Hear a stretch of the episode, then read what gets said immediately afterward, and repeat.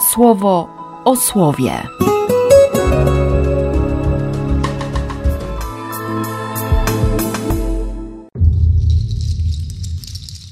Trzynasty października, czwartek.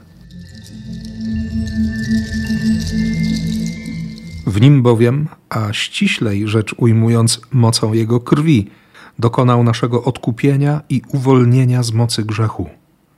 Uczynił to z powodu wielkiego bogactwa swojej łaski, którą tak hojnie obdarował nas w Chrystusie. Hojność nieznająca granic, miłość nieznająca granic, łaska, która nie zna granic, a człowiek ciągle ograniczony. My stawiamy granice, żyjemy w granicach, zamykamy się.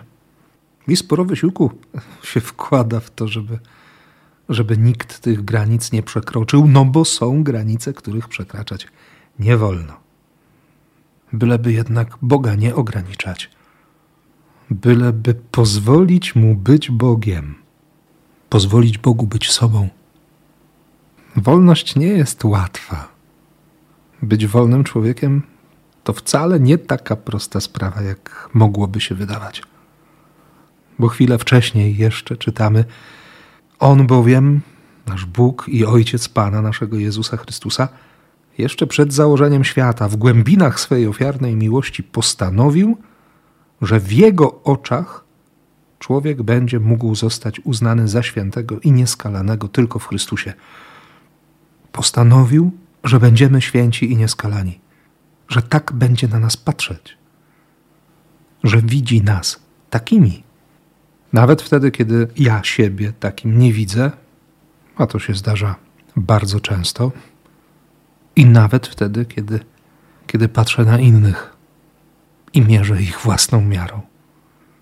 On patrzy na nas jak na świętych i nieskalanych dzięki Chrystusowi bo On zaplanował to w taki sposób, byśmy w Jezusie Chrystusie stali się zdolni do objęcia dziedzictwa i abyśmy sławili wspaniałość Jego łaskawości, którą tak szczodrze nas obdarował w umiłowanym.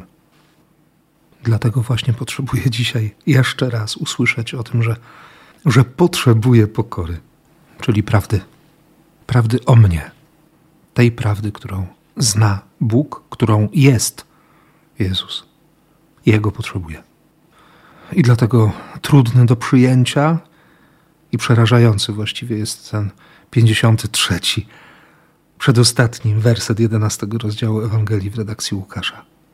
Po tych słowach Jezus opuścił przyjęcie, na które był zaproszony, pozostawiając uczonych w piśmie i faryzeuszy z wielką urazą w sercu, bo się koncentrują na ludziach a nie na Bogu. Sługa nieużyteczny czy niewolnik niekonieczny, upragniony, ukochany, na swój sposób jedyny w oczach Boga.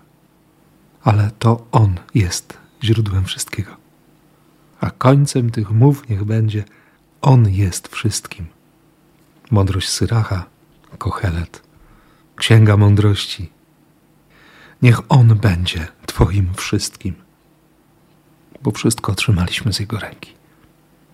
Dlatego tym bardziej błogosławię Cię w imię Ojca i Syna i Ducha Świętego. Amen.